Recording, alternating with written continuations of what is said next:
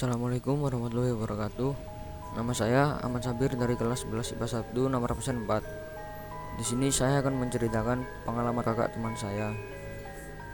Kakak teman saya ini bernama Aldi. Dia adalah seorang mahasiswa di salah satu universitas di Surabaya. Di universitas ini ada salah satu fakultas yang memiliki dua parkiran. Sebut saja parkiran A dan parkiran B.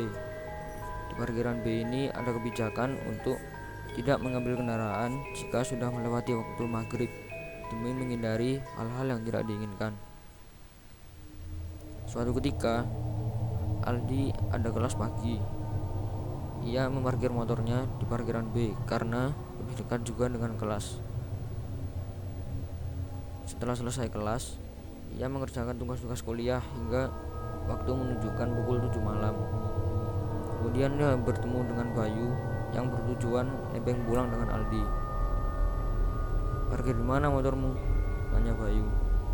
Di parkiran B. Bayu kaget setelah mendengar jawaban Aldi. Lalu Bayu menjawab, ini sudah jam 7 malam loh.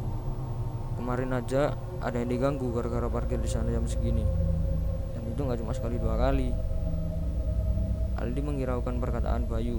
Ia hanya menjawab, udah Benar tunggu aja di depan parkiran kalau takut.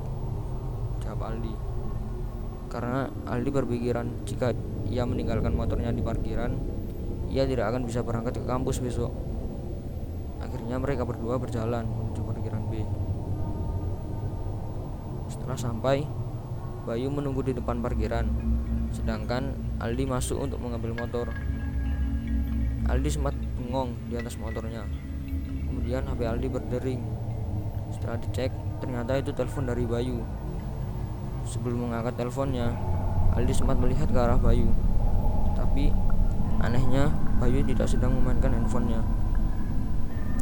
Kemudian diangkat telepon itu oleh Aldi. Halo, apaan boy? Halo, Di. Apain sih buru-buru pulang? Sinilah, nongkrong dulu. Hah? Nongkrong? Bukannya kamu juga mau pulang? Enggak. Orang aku masih di lantai tiga sama yang lain. Aldi kaget dan bingung. Ia segera menoleh ke arah lantai tiga. Dan ternyata benar, di sana ada Bayu yang sedang melihat ke arah Aldi sambil memegang telepon. Saat itu, dia baru menyadari perkataan Bayu soal parkiran ini. Kemudian Aldi menjawab, "Enggak deh, Bay. Aku langsung pulang udah dicariin juga. Alah alasan. Beneran bay ini udah dicariin.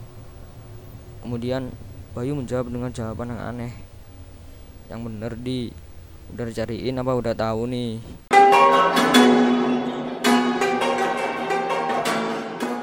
Aldi langsung mematikan telepon dan segera menghampiri Bayu yang sudah menunggu di depan parkiran. Lalu mereka bergegas pulang. Terima kasih sudah mendengarkan cerita pendek saya. Kurang lebihnya mohon maaf. Wassalamualaikum warahmatullahi wabarakatuh.